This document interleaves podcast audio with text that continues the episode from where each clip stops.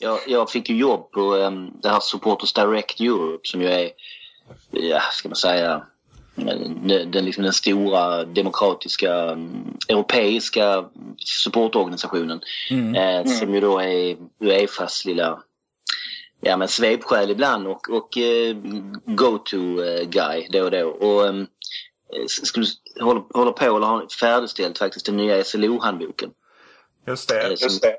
Som ju är ett Uefa-dokument också. Men eh, jag skulle spendera hela hösten och liksom hade inbokat. Eh, jag skulle gå och eh, följa Celtics SLO under Old Firm. Jag skulle åka ner till Belgrad, Partizan, eh, Belgrad-derbyt. Jag hade ja, match överallt.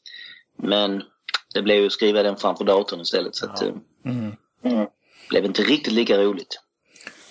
Det måste ha varit, inte för att jag, jag, tänker så här, det måste varit ett jävla glädje, glädjelöst guld där också. Ja, alltså jag, vi är ju flera här nere som... Eh, då drabbar det i sig er också. Vi är flera här nere som hävdar att det inte ska räknas och det gäller även cupguldet. Ja. Jaha du. ta ja, jag ta för fan inte det cupguldet ifrån oss. Jo.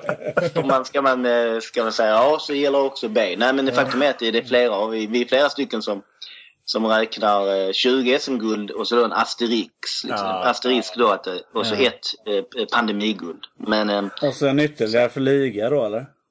Nej, det är inte jag. Nej, det är inte. Vi, vi, jag antar som ni, ni har väl också, vi, har, eh, vi är splittrade som palestinerna i, i, i Life of Brian. um, jag är inte en av de som räknar um, allsvenska seriesegrar. Nej, precis.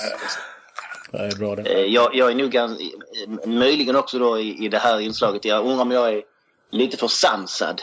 Om ni nu ska med en person här som ska kunna framstå som, eh, som, som fiende så jag, Nej, så det... jag, har liksom inga problem, jag har inga problem med att erkänna att eh, att eh, Göteborgs två Uefa-cuptitlar till exempel väger tyngre än vår Europacupfinal och sådär. Det, det är kanske inte riktigt vad ni var ute efter. Ja, du är gott sällskap där tror jag också. Det är nog inte... Det är inte det är inte det vi är ute efter heller.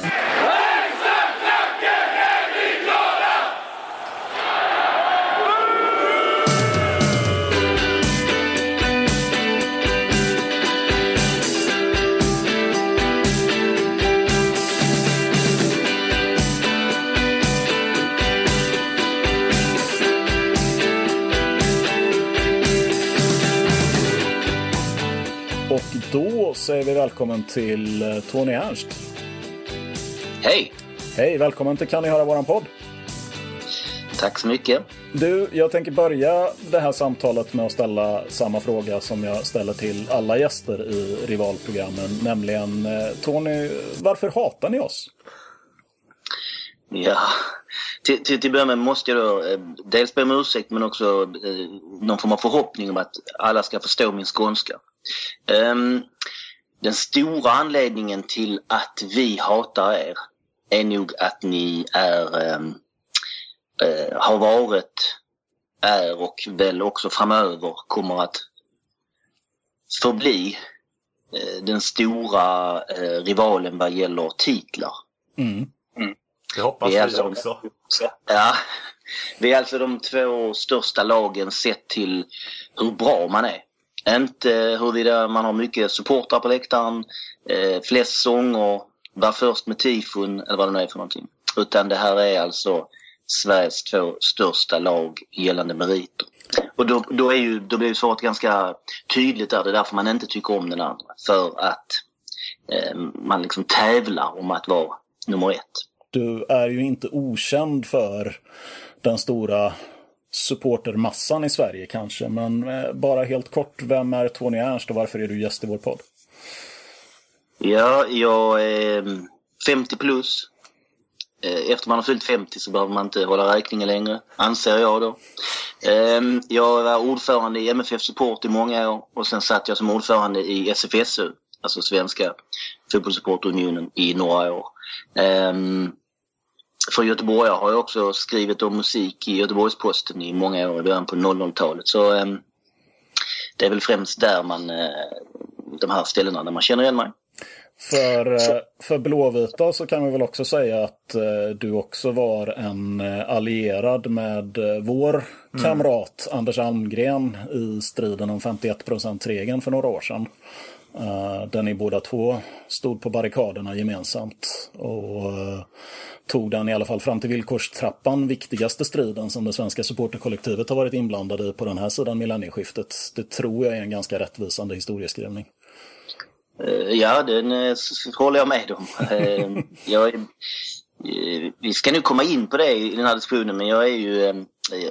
Jag brukar säga att det är min, det är min stora sorg här i livet att de allra, någon, några av de allra trevligaste sportarna som existerar är IFK Göteborgs. Ja. ja. det, om, om, om det är inte bra. men, men då, det är ett väldigt intressant resonemang som jag är säker ja. på att vi får anledning att återkomma till. Men, men du var lite inne på det så jag tänker att jag, jag ska passa micken här ja. till, till Johan som, som har en idé om vad det är för typ av rivalitet som utmärker just IFK Göteborg och Malmö FF. Precis, och du, och du var ju inne på det Tony, men om man kollar från Blåvitt perspektivet så, så våra två stora rivaler om man ser utanför Göteborg är ju, är ju AIK och Malmö. Det är ju inte okänt eller några konstigheter men det är två väldigt olika rivaliteter egentligen där AIK-rivaliteten baserar sig nästan helt och fullt på, eh, vad ska man kalla det? Skit i vad som händer på plan. Det, det handlar om läktaren. läktaren eller utanför arenan om man rör sig i de kretsarna. Det, det handlar om supporter mot supporter. Men precis som du är inne på med, med, med Malmö, så som du ser det och som jag också ser det, så, så handlar ju vår rivalitet egentligen om inte så mycket. Visst, det, det finns ju en supportermässig eh, aspekt av det också. Men i grunden så är det ju en sportslig rivalitet. Och tidigare arkivavsnittet så pratade vi lite om Helsingborg. Där ni också har en rivalitet med Helsingborg men den kanske inte är så mycket baserad på det sportsliga egentligen. Ni, ni klår dem nio gånger av tio. Eh, har du samma känsla där att det, det, det är en annan rivalitet ni har? Det är också två olika typer. Den sportsliga mot oss och den kanske mer supportermässiga mot, mot Helsingborg. Ja, alltså alla rivaliteter har ju sin egen lilla eh, lever sitt eget lilla liv. Mm. Och, och de kan ju förändras. Något lag blir sämre eller det blir större supporterskara och så vidare. Men i, i grunden har du rätt. Eh, ehm, eh, Helsingborgs eh, rivaliteten kom ju, har, har ju varit märklig så får man säga för den var ju ur allsvenskan i 25 år. Mm. Eh, och, och vi längtade väl vi då, inte jag och mina supportrar, men Malmö FF liksom efter någon form av mer lokal, eh, ja men någonting av derbykaraktär. Mm. Mm. Så när de gick upp så var det ju många som såg fram emot det som någonting som kunde bli bra. Ehm, så då blev det ju väldigt naturligt att det blev en, en läktarrivalitet. Medan IFK Göteborg, dels är det avståndet och dels är det, ja men att det så under så lång tid också av bägge föreningarnas ehm, eh, tillvaro har aldrig varit någon konkurrens på det viset utan det är ju framförallt i och med att IFK Göteborg på något vis slår igenom igen i början på 80-talet som det blir en eh, som det blir den här meritrivaliteten. Eh, Jag tänker också på just den här eh, typen av rivalitet då, som handlar om meriterna. Att eh, det sker så mycket olika på, i konjunkturer liksom. Att eh, våra föreningar har ju varit stora eller varit ledande eh, titelmässigt sådär i olika tidpunkter. För att mitt, eh, mina känslor mot Malmö FF har ju blossat upp ju bättre ni har varit. Men innan dess så visste jag knappt att den fanns. Liksom. Mm. Eh, förrän jag flyttade till Malmö ett tag och insåg att jag inte fick cykla runt på Möllan med en blåvit halsduk utan att bli dödshotad.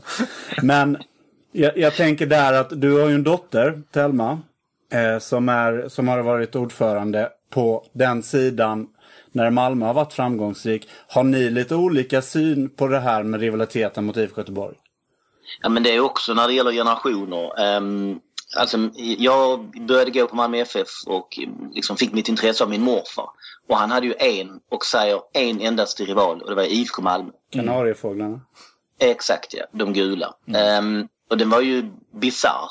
Men med dagens mått mätt. För att man fick ju inte ha på sig något gult, man fick aldrig prata om något gult. Mm. Eh, men, men de är ju borta, de har ju legat i division 4 och 5 så, så länge jag har levat. Så att det är ju, visst, jag hatar IFK Malmö.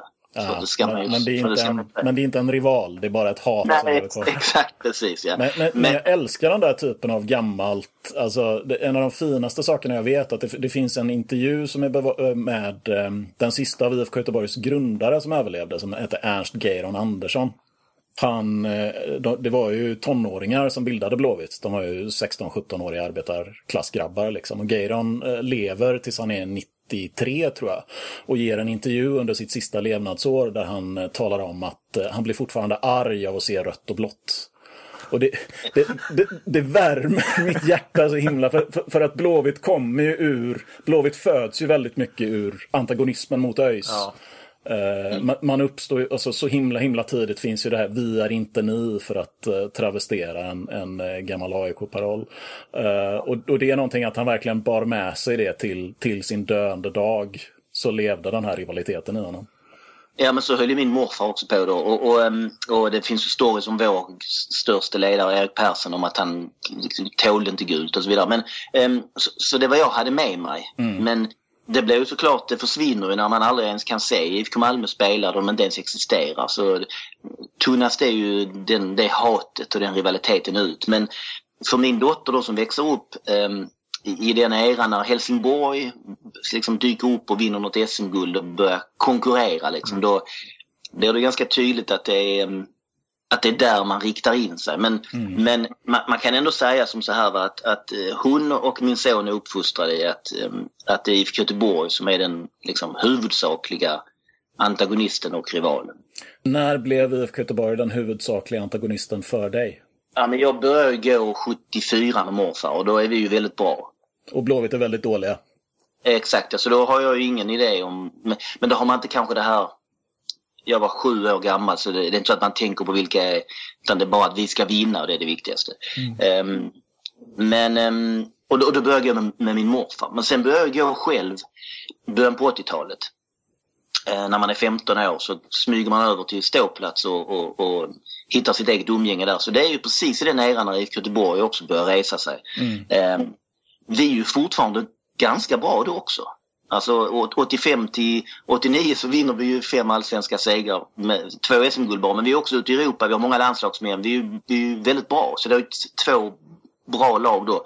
Det är ju där som den, jag tycker det eh, etableras för mig. Att det, att det liksom är rätt så tydligt att när jag själv börjar gå på ståplats och får mina egna idéer och tankar om hur supporterskap ska formas så finns det liksom två stora lag i, i Sverige. Mm. Mm. Ehm, det är också lite intressant, jag har tänkt jättemycket på det här att, att ehm, det verkar lite, med undantag möjligtvis för 80-talet, andra halvan av 80-talet, så är det som att ehm, IFK Göteborg och Malmö FF kan inte riktigt vara bra samtidigt.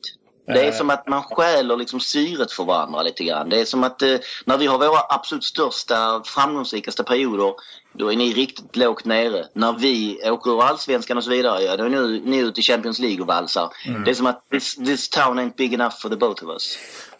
Det, det är faktiskt, jag, jag, tror att jag, jag har för mig att jag faktiskt har twittrat det här till dig någon gång. Uh, men men att, att jag ibland tröstar mig. Det har ju varit magra år.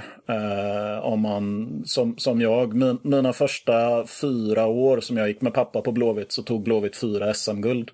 Eh, så det var ju liksom min, min, min första stora, om, om man nu då ska se det här i liksom lite perspektiv, så har jag ofta tänkt på att min första riktigt stora besvikelse i fotbollssammanhang, första gången jag grät av besvikelse i fotbollssammanhang, det är när IFK Göteborg åker ur kvartsfinal i Champions League mot Bayern München. Mm. Det var en sån fruktansvärd besvikelse. Jag var, eh, men jag var, så var 11-12 bast, det var verkligen helt knäckt i flera dagar. Men det jag skulle komma till var att jag, för att trösta mig då under, under det här 10-talet och, och och början på 20-talet så, så brukar jag ibland tänka att ja, så här mådde Malmö 1996.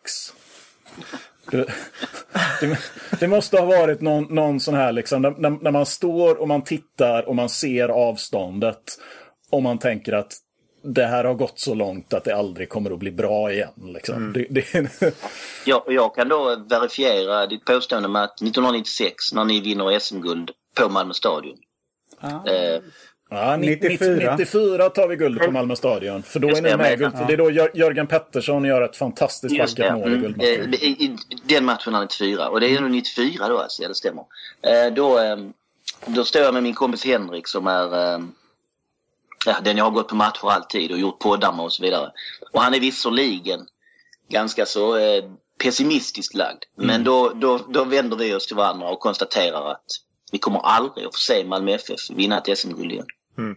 Mm. IFK Göteborg är liksom för långt framme med, med pengar och ja, men hur det ser ut och liksom, eh, det kändes ju som en, en sån enorm skillnad. Ja. ja.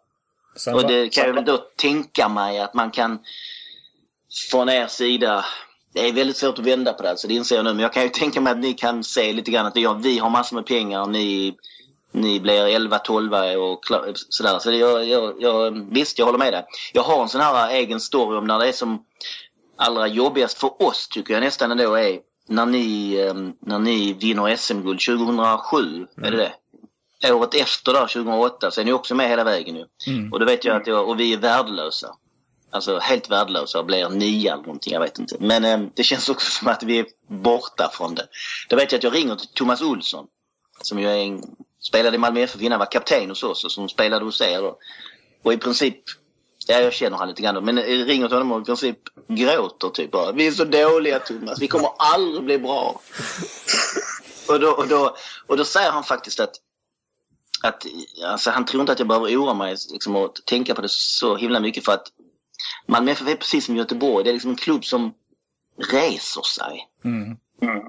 Alltså det här, det här är för stora Eh, liksom föreningar som är för, för förankrade i, i liksom städerna och i kulturen för att de ska ligga 11-12 i 10-20 år. Eh, och det hade han ju rätt i. Det där är ju intressant därför att en av frågorna som, som vi tänkte komma in på var vad tycker du att Malmö FF och IFK Göteborg har gemensamt frånsett då eh, Europa, eh, alltså frånsett merit, de sportsliga meriterna Finns det gemensamma ja. beröringspunkter mellan våra två föreningar? Ja, det finns det. Det, det finns det och det har jag också tänkt på en del faktiskt. Jag tycker att eh, föreningarna liknar varandra. Dels är det i allt väsentligt de ledande för klubbarna i sin stad. Det är någonting också med att det inte är huvudstaden. Mm. Och det blir en pendang till hur det ser ut i Europa. Om man tar England så är det ju Manchester United och Liverpool. Medan i Londonlagen ligger långt efter meritmässigt och vi har i Tyskland, eh, där är de visserligen inte eh, hamnstäder som både Göteborg och Malmö är men de är, det är ändå så att Bayern och, och eh, Mönchengladbach och vad det är för har massor med fler titlar än vad Berlin någonsin skulle kunna få. Eller. Um, och det där går ju även att se i Italien. Där det är Torino och Milan som är de stora städerna och inte Rom. Um, men inte bara det att det här är, är liksom eh, de stora klubbarna, ensamma klubbarna nästan i, i, ifrån sina städer. Det är också eh, gamla arbetarstäder. Det är två föreningar som har brutit sig loss kan man säga ur eh, andra föreningar eller bort från andra föreningar där det är mer, på mer tjänstemannanivå. Och det formar klubben. Det har varit liksom rätt så eh, tydliga, starka ledare i bägge föreningarna som har suttit länge. Det är inte det här med 15 ordförande på fem år som i Bayern och så vidare utan det är Erik Persson sitter i 50 år. Hur länge satt Gunnar Larsson? I 25 eller någonting? Ja, precis. 82 till 2000. Ja. Ja. och det finns kvar tid. Vi har pratat om eh, Herbert Johansson tidigare i den här podden. Som mm, satt ännu längre. Som satt ännu längre. Som, som var med och grundade Blåvitt och sen är liksom kvar i 37 år i styrelsen och ordförande i två omgångar och sånt. Så att eh, absolut. Eh. Och det gör någonting också med dels um, för liksom det föreningsdemokratiska arvet. Att det är väldigt viktigt och det är liksom ingen slump att det är Malmö FF och IFK Göteborgs supportrar som väl ändå får man säga är ledande när den föreningsdemokratiska idrotten i Sverige ska räddas. Så att, eh, det är de sakerna jag tycker är eh, mest eh, lika. Och sen finns det någonstans tycker jag någon ära i att det är viktigt med meriter. Liksom. Det är viktigt med SM-guld och med cupguld och Europaspel och vad, vad det nu är. Liksom. Det är inte, det är inte Ja, men det blir återigen Hammarbys lag på sig. Inte för att jag har något emot Hammarby så, men att det liksom är skit i vad som händer på planen. Det är ändå viktigast att ha kul på läktaren. Ja. Det är, är jätteviktigt att ha kul på läktaren. Men det är också väldigt viktigt att vinna. Mm. Ja, vi, vi har lagt våra ägg i den korgen så att säga. Så att säga. Ja, men så kan man väl säga. Och det, det kan vara både gott och ont och det vet jag inte riktigt hur det är i IFK Göteborg men det kan vara lite förödande för i, i, i viss, till viss del när det gäller supporterkulturen. För där kan det vara, man, man kan prata om år som man tyckte var skitkul och spännande och där det gick jättebra. Men då kan man alltid få det där, men vi blev bara två. Alltså det där, det där räknas knappt liksom. Mm. Jaha, jag, jag reste på 15 bortamatcher det året och såg alla matcher och hade superkul. Och jag spelare jag älskar i laget. Men det är liksom inget värt för de vann inte. Mm. Mm. Mm. det vet jag inte exakt om det är så att säga. Men det var många saker där tyckte jag jag fick fram som där, där, där lagen ja, men verkligen liknar varandra. Ja, ja. Intressant är det du nämner med, med supporterperspektivet. Hur, vad som finns för likheter. Jag tänker just supportermässigt. Finns det någonting som ja, men, eh, underbyggs i rivalitet just våra lag emellan? Alltså är det någonting som du tycker genuint, genuint illa om gällande Blåvitt-supportrar? Nej, då kommer vi in på... Nej, det, det, det finns det nog inte. Men jag är...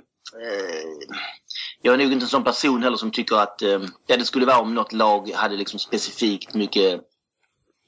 Att det var tydligt att det fanns rasistiska fans. Då skulle jag tycka illa om det laget eh, på det viset. Liksom. Men det, det förekommer inte på det viset i Sverige. Um, Nej, det är äh, ganska utrensat i det här laget. Liksom. Ja, det är det. det, Men, um, Inga ramser eller så som du tycker? Nej, jag är, inte, jag, jag är rätt så hårdhudad. Alltså. Det ska mycket till för att, uh, för att, man, eh, för att jag ska bli eh, arg. Ehm, jag, jag, jag, är, och jag är också en sån person som gillar Sverige när det gäller eh, de olika delarna och dialekterna. Jag har aldrig varit en sån där som tycker att Stockholm är fruktansvärt och Göteborg är fult och vad det är. Utan jag gillar att komma till de olika städerna och jag åker på nästan alla matcher överallt och ser allt. Så att, eh, nej, det finns ju inget Vi hade ju en, en rätt så intensiv och, och svår forcerbar debatt för en packa år sedan med 12 tror jag var inblandad och Almgren och så vidare om, om när Göteborg, delar av, delar av Göteborgspubliken det blir alltid så att man säger ja, Malmöklacken gjorde si och så. Mm. Men vad fan är Malmöklacken egentligen? Det kan bestå av 5000 pers som alla har olika åsikter och om 200 sjunger någonting så representerar det faktiskt inte alla. Så nu höll jag på att säga Göteborgspubliken men då menar jag en liten del av Göteborgspubliken eh, sjöng eh, Rosengårdstattare. Mm. Eh, under en era där och så försökte man jämställa det med att man faktiskt också sjöng Solnatattare. Som om det då var ett otroligt bra försvar eh, för, för någonting man sjunger. Men, men faktum är då, och det försökte vi resonera om det här, och det höll ju flera göteborgare med mig och flera göteborgare höll inte med mig. Mm. Men det finns andra konnotationer i Rosengårdstattare än det finns i eh, Solnatattare. Mm. I, och med, I och med att Rosengård då är en stadsdel som till största delen består av eh, invandrare. Mm. Och den debatten gick ju även i de olika forumen eh, på Svenska fans och annat också. Att, och det var ja. därför det var en så väldigt delad eh, skara som, som, som sjöng just den mm. ramsan. Exakt, men, men så då är det väl någonting där jag tycker om IFK Göteborg som jag på samma gång har tyckt var lite tråkig får jag säga då eftersom jag är någon form av eh, vänsterhumanist. Att Göteborg blev lite för vitt under en era liksom. Mm. Mm. Och det har väl adresserats väldigt tydligt och man har gjort de senaste åren verkligen eh, försök att nå liksom invandrarungdomar och locka till sig dels nya spelare men också en, en publik. Men jag vet inte om jag liksom tycker illa om det. Jag kan förstå varför det blev så, hur fotbollen ser ut i Sverige och så vidare. Men, men där, där var en era där, där jag tyckte att eh, det är en jätteintressant fråga. Jag kommer ihåg för ett antal år sedan, det var säkert 15 år sedan, så un under tiden som det kanske började bubbla lite med Den vite mannens klubb. Det kom väl senare, offside-reportaget och så vidare. Men gjorde en undersökning kring var i Göteborg som de tre stora föreningarna var som mest populära. Alltså kopplat till var har föreningarna sina medlemmar. Och där hade ju mm. egentligen Eh, om man, IFK hade ju, var ju populärast i princip överallt i stan. Men när man var som mest överlägset populära i termer av medlemmar i klubben var ju i de invandrar eh, tyngsta områden, nordöstra Göteborg och Hisingen.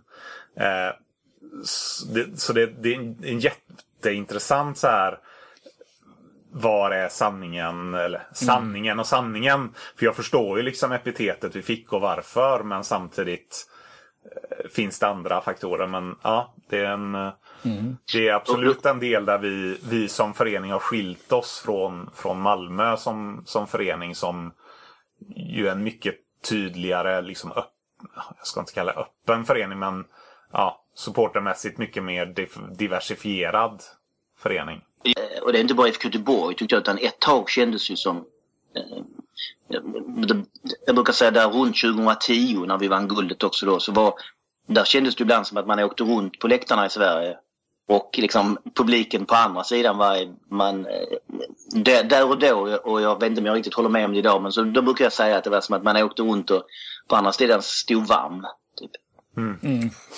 För, för det var kritvita läktare var man än åkte och vår klack och vårt lag eh, var liksom blandat. Och det ansågs som någonting besynnerligt. Och, och det kulminerade då 2010 med när vi avgör i sista omgången här hemma och dagen innan har eh, polisen precis tagit eh, Peter Mangs, eh, den här eh, idioten som sprang och sköt eh, invandrare på stan. Eh, och då är det liksom en, en, en, divers, alltså en integrerad klack framför ett integrerat lag som tillsammans liksom sjunger hem SM-guldet. Det är en ganska stark känsla som skapar ett rejäl förening i, i liksom det här sammanhanget. Ehm, och den önskar jag då att alla kan få lov att, att eh, ha. Det finns en historieskrivning bland blåvita supportrar att eh, göteborgare använde sig lite av Malmö på samma sätt som stockholmarna historiskt använde sig av Göteborg. Det vill säga man åkte ner och, och tog sig friheter. Eh, jag frågade dig tidigare om dina första minnen av Blåvitt. Vad är dina första minnen av liksom Blåvitts supportrar? Om man tänker 80-talsmatcher och sånt. Ja, alltså... Eh, dels så vet jag, alltså, jag vet av erfarenhet att när man, när man bestämmer sig för en, för en historieskrivning att det var på ett visst sätt så är det inte alltid att det var på det där sättet. För vi i Malmö har också historieskrivningar om hur det såg ut och hur man... Det, det, det är därför jag ställde Ja. frågan på det sättet. Att det här är Ja, historieskrivningen, men, men jag, jag vet om Men- att den inte är allmänt accepterad. Nej, nej eller acceptera det vet jag inte men, men ehm, jag, är ju, jag har ju smärtsamt medveten om hur supportkulturen har sett ut i Malmö genom åren. Jag har ju gått sedan 70-talet som sagt och jag är väldigt väl påläst och har träffat alla som har stått på läktaren sedan, sedan 20-30-talet också. Men eh, eh, så vi hade ju en jättesvacka där och vår, vårt uppsving är egentligen inte förrän tidigt 90-tal kan man säga. Mm. Eh, när när eh, MFF Sport bildas, när det börjar liksom komma en annan typ av supportrar på läktaren också. Så, ehm, ehm, men, men överlag har jag, har jag ganska dåliga minnen liksom utav läktaren. Ja. Eh, på det viset eh, från det jag började gå. Man, man gick ju dit för att eh, dels när jag började gå 74 så var det mycket folk. Då var jag ju på sittplats med morfar så det var typ en annan publik. Men man blev såklart fascinerad av två saker. Att, um, dels att vuxna människor använde otroliga mängder könsord man aldrig hade hört förut. Och det var alldeles underbart som sjuåring att liksom suga in dem. Ehm, och det andra var att man fick, i paus fick man ju godis såklart av morfar. Ehm, men ehm, d- alltså, de första minnena är ju SM-finalerna på 80-talet när vi möts. Just det. Just det. Det. Jag tänker på eh, bröderna Holmgren. Ja, faktum är att jag har, jag, inför det här då så har jag såklart eh, läst på lite grann och tänkt och försökt skriva ner lite punkter. Och de, om, jag tänkte att de kommer säkert att fråga mig vilket är det värsta IFK Göteborgs-minnet jämfört med vilket är, är det då det allra bästa.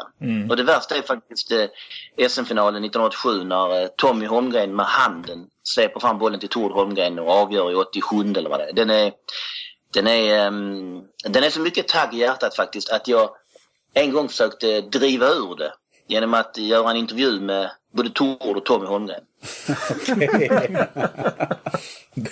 Det där är ju faktiskt beundransvärd traumahantering ändå.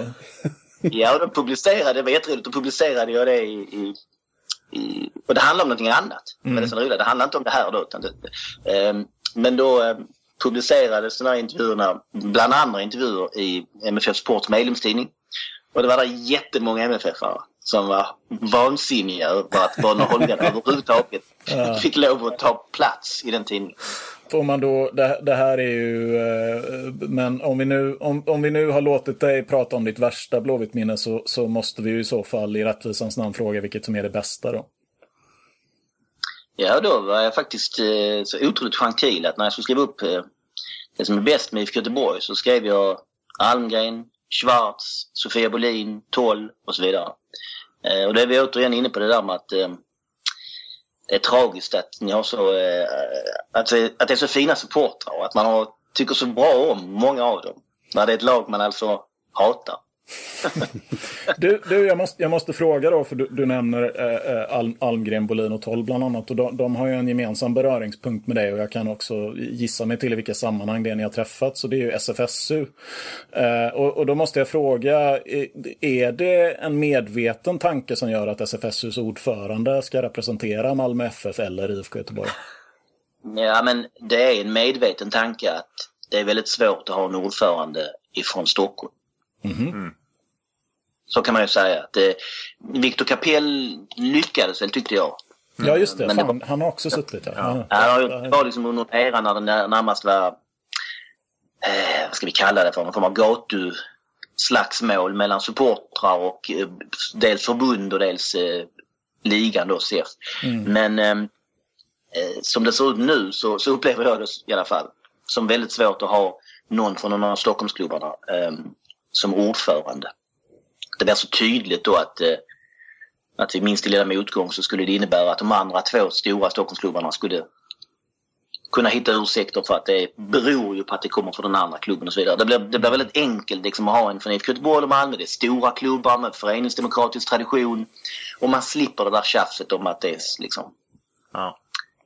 Mm. Stockholmsgrejen. Så det är, det, sen har det väl kanske blivit lite grann så. Eh, men eh, jag tänker ofta på det. Att, eh, att det här, och jag sitter i SVSUs valberedning. Så. Just det. men det bästa sportsliga minnet då? Ja men alltså... Nej, jag vill, jag vill, jag vill, jag vill inte men jag vill ändå fråga Tony så han får chansen. Du ger mig, du ger mig en straffspark här alltså. Ja. Men, men, ehm, man, man hade ju hoppats, nu höll jag på att säga år, men 2020 alltså. Det hade ju varit, ehm, vi, vi, vi pratade ju länge om det här nere att eh, ett tag där så låg ju Helsingborg, AIK, IFK Göteborg där nere då ju. Mm. Och, och, vi hade gått upp i topp. Då tänkte man ju, ska detta bli det absoluta mästerverket bland allsvenskor? Där AIK, Blåvitt och HF åker ur och Malmö tar guldet. Ja, det hade ju varit, det, det var som min dotter sa, då får man väl helt enkelt sluta gå på fotboll efter det. För att det, det verkar ju inte som att det, det, det, kan, det kan, liksom, kan inte komma någonting bättre efter detta. Men, eh, men eh, nu, nu blev det ju inte så. Nej, men eh, jag är ju en sån som tycker det är viktigt med jag är en sån som tycker det är viktigt med att man är bäst. Mm. Det, var, det är också det här med de här lite tröttsamma. Liksom. Och det, som jag sa innan, att ibland kan det vara en, en, en börda för man kan inte riktigt njuta för att det finns saker som är viktigare, nämligen att vi, att vi är bäst. Då. Men eh, så för mig var det viktigt när vi 2012 gick förbi er i maratontabellen. Mm. Det är viktigt för oss också kan man säga. Ja, och för mig var det viktigt när vi passerade er i, när vi passerade er i SM-guldligan som ju numera står 21-18 till oss. Mm. Eh, så det är, det är liksom de här sakerna som eh, på något vis eh, snarare än enskilda matcher, det, gör, det är liksom det där mm. Det där klassiskt stockholmska är ju att man kan liksom bli sjua i allsvenskan, men vinner man derbyna så är det fine. Jag skiter i derbyna mot Helsingborg, eller om jag skulle förlora bägge matcherna mot Göteborg eller vad det är. Det viktigaste är att vinna serien. Um, det går liksom före enskilda matcher. Och då har det blivit så att det blir maratontabellen, det blir, eh, det blir SM-guldligan då.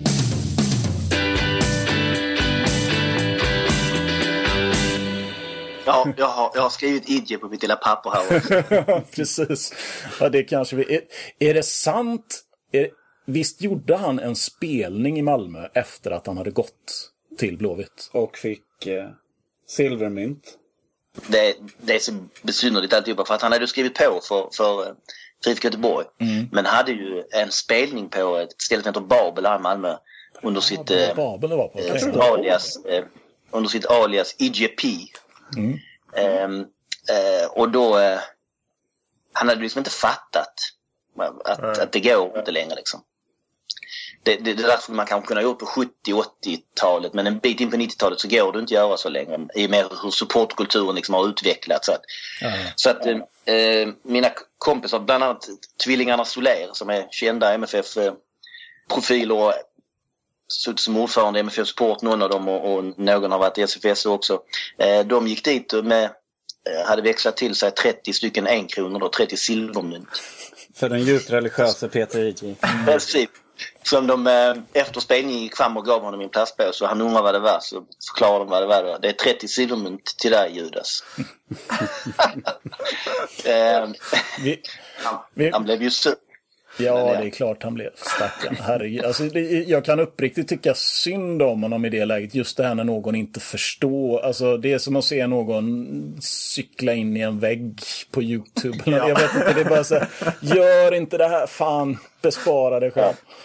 Men, men då måste vi också, eftersom nu vi, vi nu berör den här, eh, den här drabbningen där ju eh, Thomas Olsson bland annat, som vi tidigare har nämnt, eh, skjuter in, eh, är det 2-0 målet han skjuter in på volley?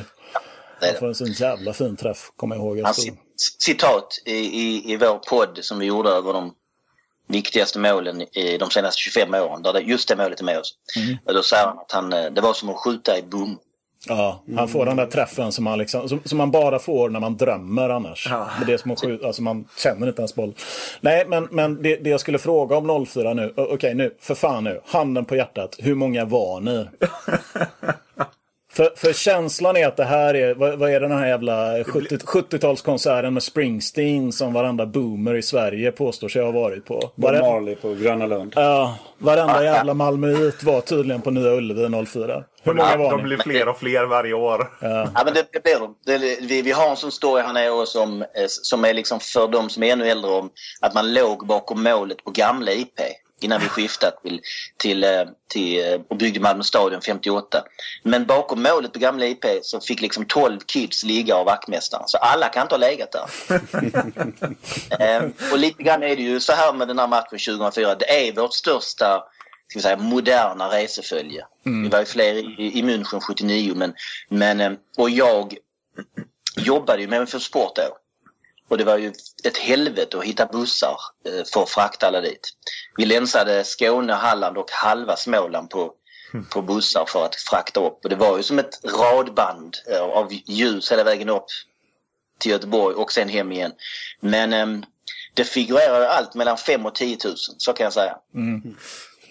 Jag har hört 11 000 också. Så att, eh, Nej, det vågar jag påstå. Men, men jag, min, min uppskattning är någonstans mellan 7 7 500.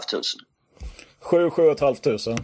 då slår vi Om när man det. ser, om man ser på bilderna var vi står och så vidare, någon som har räknat ut. Eh, ehm, men ehm, eh, det var fint att skicka iväg bussarna upp där. Mm. Eh, Pontus Jansson är på den matchen förresten. Ja, Men, Pontus Jansson Ja, i klack. Ja, Eh, men men eh, alltså, den, är, den är en så pass ond tagg för, för er alltså. Nej, det är väl mer så... Den var en ond tagg. Men, men just det här när det kommer till negativa Malmöminnen. Den, den var en ond tagg under några år för mig. Men, men sen händer två saker som gör att den lite mer faller i glömska. Det ena är att vi tar ju guldet 07 tre år efteråt och har då en, i ett sent skede av serien har vi en bortamatch i Malmö som vi vinner med 2-0. Där man liksom fick det här, alltså Ja. det, det för mig, alltså för mig personligen så kände jag lite eh, det att, att, att det helade det där såret liksom. Att vi fick åka ner, göra lite samma sak även om det inte var samma hype kring matchen för ni var inte direkt inblandade i guldstriden det året och det var, eh, det var färre. Men, men just att liksom få åka ner känna att vi, liksom, vi, vi tog över sångmässigt ägde den matchen, vann och sedan gick vidare och tog guldet. Så, så, så det läkte ihop det och sen ytterligare två år senare så, så inträffar ju en, en ännu värre förlust på hemmaplan som liksom intar, in, intar en, en liksom ohotad första plats. Men just när det här när jag skulle titta på Malmö-minnen, men det, det jag egentligen skulle komma till är ju då att mitt, mitt, eh, när jag började prata om det här för ett antal minuter sedan, så är ju att 0-4-matchen är en sak, men, men mitt faktum är ju att, att mitt värsta Malmö-minne, det som kommer vara mitt bestående så här, liksom, värsta minne av Malmö FF för en ganska lång tid framöver, det är inte en match man spelar mot IFK Göteborg.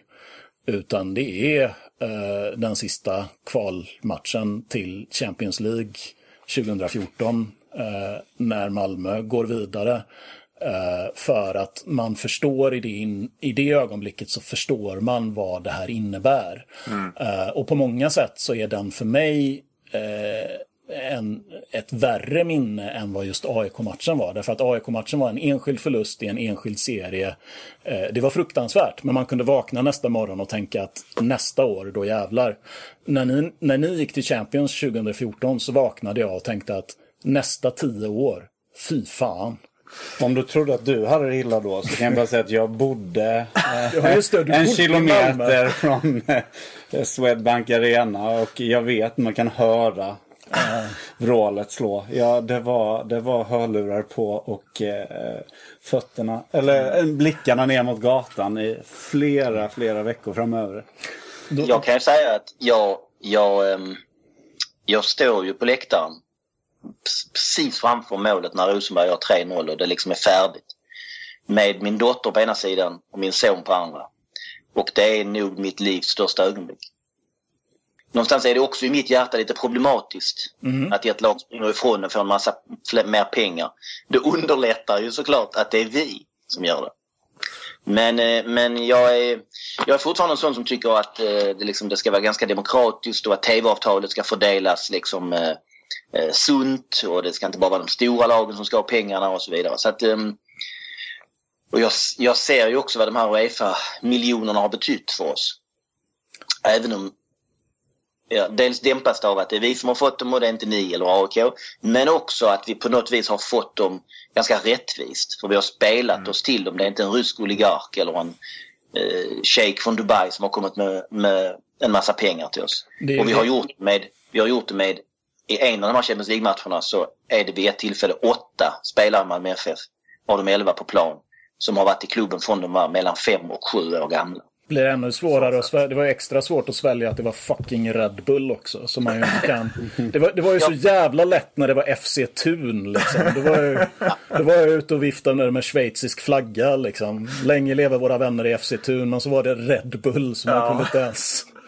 Man, kunde... man vill inte ens att de ska vinna, men för Nej, en gångs skull vill man det. Ja.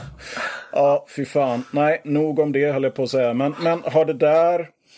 Eh, har alla de här miljonerna och det liksom den förändrade spelplanen, har det förändrat sättet som du tänker på rivaliteterna på något sätt? Vi... Man förstår det kanske bättre när man sitter, när man är, när man är lite längre ner och kan blicka uppåt. För jag hade ju samma känslor där på 90-talet. Mm. Jag anade att det var över och att det var borta. Men jag vad fan, jag åkte på alla matcher och engagerade mig med sport och jobbade och så vidare. Eh, eh, nu när man sitter på den här sidan och, och det, liksom, på något vis är det svårare att, att ta in att det, är, att det är en stor skillnad, att vi har mer pengar, att, vi, att det betyder något. Mm. Jag är fortfarande lika nervös för alla matcher och, och, och um, jag ser liksom inte det här att det finns en, en stor lucka. Jag, jag kan säga att vi vinner SM-guld ganska ofta och att vi tydligen vann allsvenskan ganska klart. Och att avståndet i maratontabellen verkar öka ganska rejält och är uppe i 125 poäng. Va? Mm. Um, inte för att jag håller räkningen. men, men det blir liksom, det är lite svårare när man, för man är fortfarande lika nervös liksom. Mm. För, för matcherna. Även när vi möter sämre lag och vi vinner klart så är man, man ser inte det. Mm. Förstår du vad jag menar? Mm. Och jag antar att det var likadant när ni for runt i Europa och vann Champions League-grupper med United och Barcelona. Att man, man liksom, skulle ni möta Mjällby hemma så var det inte som att ah, jag behöver inte ens vara nervös. Vi vinner enkelt. Det är klart man är nervös och känner lika starkt för det. Ja, ja det är klart. Och jag kommer också att det alltid är samma. O oavsett så, så, är det något, så här, ett av mina tidigaste minnen är, är när eh, vi sitter i bilen på väg hem från Ullevi. och, och farsan och hans polare eh, som jag har gått med sitter och klagar på hur jävla dålig Stefan Rehn är. Och det, det, är liksom sådär, det är något av de där åren när vi vinner SM-guld med 10 poäng och så här liksom med, med facit i hand liksom. Stefan Rehn, landslagsspelare, gudabenådad, eh, eh vad heter det? styrde och ställde på IFK Göteborgs mittfält i Champions League-matcher och sådär. Men, men det är fortfarande det här liksom tradiga gnällandet och, och eh, de ständiga någonstans. Man, man hittar alltid eh, skitkanten på guldmolnet. Ja, men man, man blir ju aldrig heller riktigt nöjd. Men Nej. då för att till slut besvara din fråga. Ja.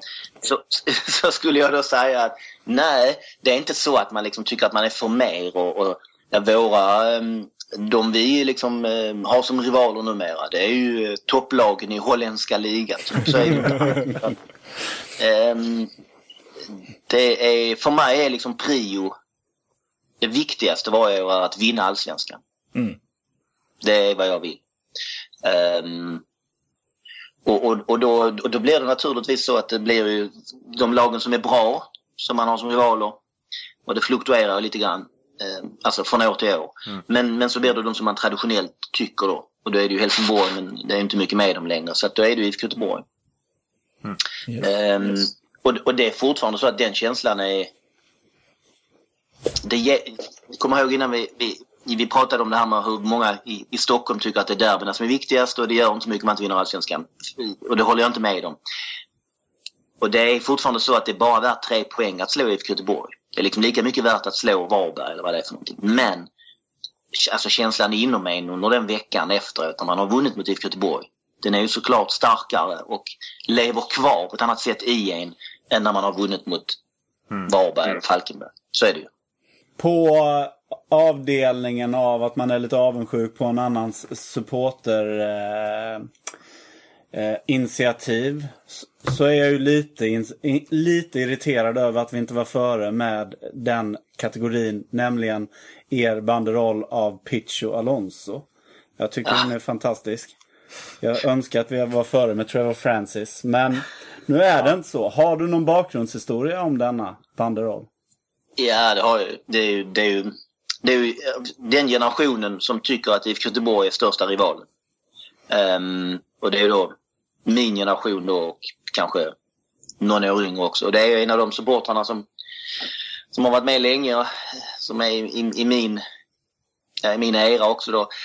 Um, och där är det ju det där med, med det är så viktigt med titlar och meriter och hur man jämför med varandra och sådär. Och Pitch Alonso är ju mannen som såg till att ni inte fick spela en Europacupfinal som vi då har gjort. Därför är det då viktigt för den här personen som sydde den här flaggan. En rolig grej var ju att han la ut det på Twitter och Facebook och Pitch Alonso själv såg ju flaggan. Mm. Och tyckte det var hysteriskt roligt.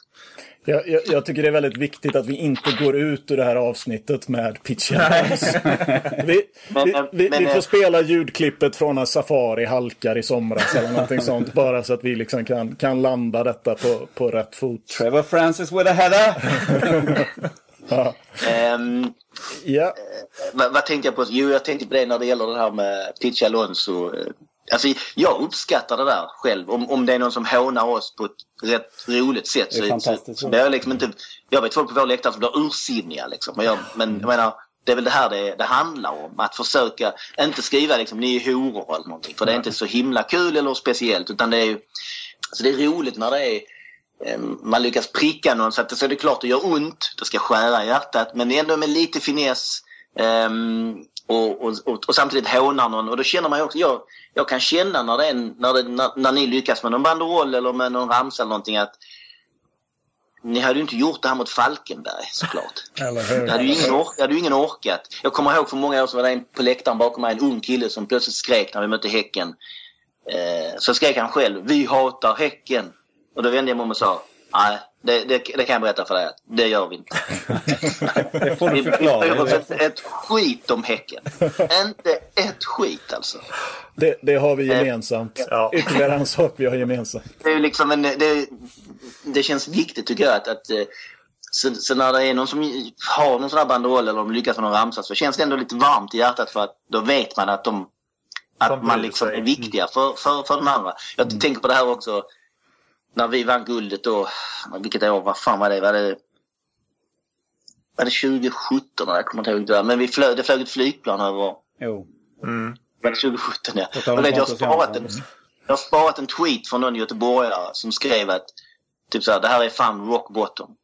Um, får stryk hemma mot Sundsvall eller något sånt va, i sista matchen. Ja, ja, ja. 04. Kat, kat, katastrofmatch. Så här, total, Ja, precis. Ja. Och över eh, värsta rivalen då är miljardärer och flyger ett flygplan med, med två stjärnor då över, som cirklar över. Och den är då betald. Banderollen och flygplanet är då betalt av Robin Olsson och Pontus Jansson. Ehm, det är också ett sånt som är, ja, kan man tycka är rätt så trevligt. Petter, att du ställde den här frågan det sista du gjorde. I, och för sig jävligt bra för du är klippare så du kan bara liksom kapa det här med flygplan och Pichi Alonso. Sen vill jag, jag, jag vill avslutningsvis säga en sak som ni inte behöver ha med men som är lite intressant och det är att vi märkte det, jag och min kompis Henrik, för vi, vi skrev en, vi bestämde oss för att sammanfatta 10-talet som ju är vårt, får man säga, hur man än räknar är det vårt mest framgångsrika årtionde. Och det såklart väger in Champions League i spelen för det är så mycket pengar inblandade så att det har liksom det genererar ju framtida vinster så att säga. Men det är vårt framgångsrikaste årtionde. Ehm, och då bestämde vi att vi ska sammanfatta 10-talet. Så Vi skrev liksom 100 ganska långa texter om de 100 största ögonblicken på 10-talet. Och det var ju såklart ett ma- mastigt arbete, idiotiskt arbete som ni vet själva. När man, ni, er podd kan jag tänka mig också att ni ligger och våndas över ibland. Vad fan håller vi på med? För att det tar så jävla mycket tid. Men i alla fall så gjorde vi det här. Och det var mycket att välja bland. Såklart eftersom det är vårt mest framgångsrika.